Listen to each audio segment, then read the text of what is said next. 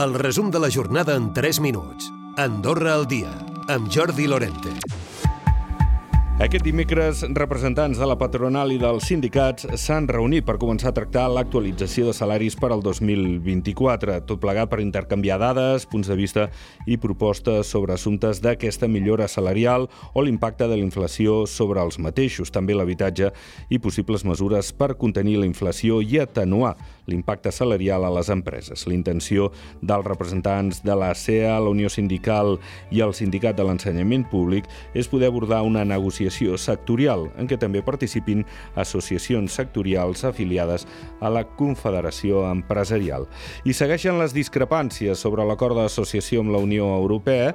A Ràdio Nacional el cap de govern ha carregat contra Concòrdia després que el partit de l'oposició s'hi posicionés en contra. Defensa, diu Xavier Espot, que el pacte d'estat és estable i que la negociació ha de continuar mentre Concòrdia, que ha estat protagonista aquest dimecres del programa L'Avui serà un bon dia, a través del president del grup parlamentari Cerny Escalé, diu que es facin estudis de l'impacte econòmic que tindria l'acord d'associació i que s'expliquin els riscos a la ciutadania i defensa que obrir l'economia no serà positiu. De fet, Cerny Escalé ha anat més enllà, ha dit que li sembla insultant que se'ls tilli de populistes i defensa la posició del partit. I el govern vol la continuïtat del Cidu Soleil 4 anys més. Els resultats de les enquestes de satisfacció fetes als espectadors que van assistir a l'última edició han estat bons i Turisme vol negociar amb la companyia canadenca al voltant de la seva continuïtat per 4 anys més. Jordi Torres, ministre de Turisme. Un cop que tinguem tot l'informe tancat, doncs, doncs eh, farem, com vam dir, doncs, doncs aquesta valoració, si renova o no. Jo penso que a hores d'ara, doncs, també li dic que, que hi ha més números doncs, que, que renovi el Circo, però mm, ara bé, s'ha de negociar doncs, amb l'empresa Circo de Soleil per, per totes les condicions eh, que hi ha.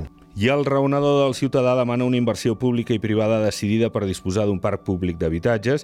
Marc Vila també ha seguit demanant en la compareixença al Consell General que es mantingui la congelació dels lloguers davant un problema, el de l'habitatge, que s'agreuja. De fet, ha dit que si el 2022 un de cada tres expedients estaven relacionats amb aquesta qüestió, aquest any en són un de cada dos. L'any 23 és l'any on, on més de la meitat de la meva feina la dedico a assessorar temes de rescisions de contracte, recuperacions per propi, eh, augments de preu abusius, sobre la qüestió dels habitatges, el Consell de Ministres ha aprovat aquest dimecres l'adjudicació de la redacció dels projectes de set edificis per un import d'1,4 milions.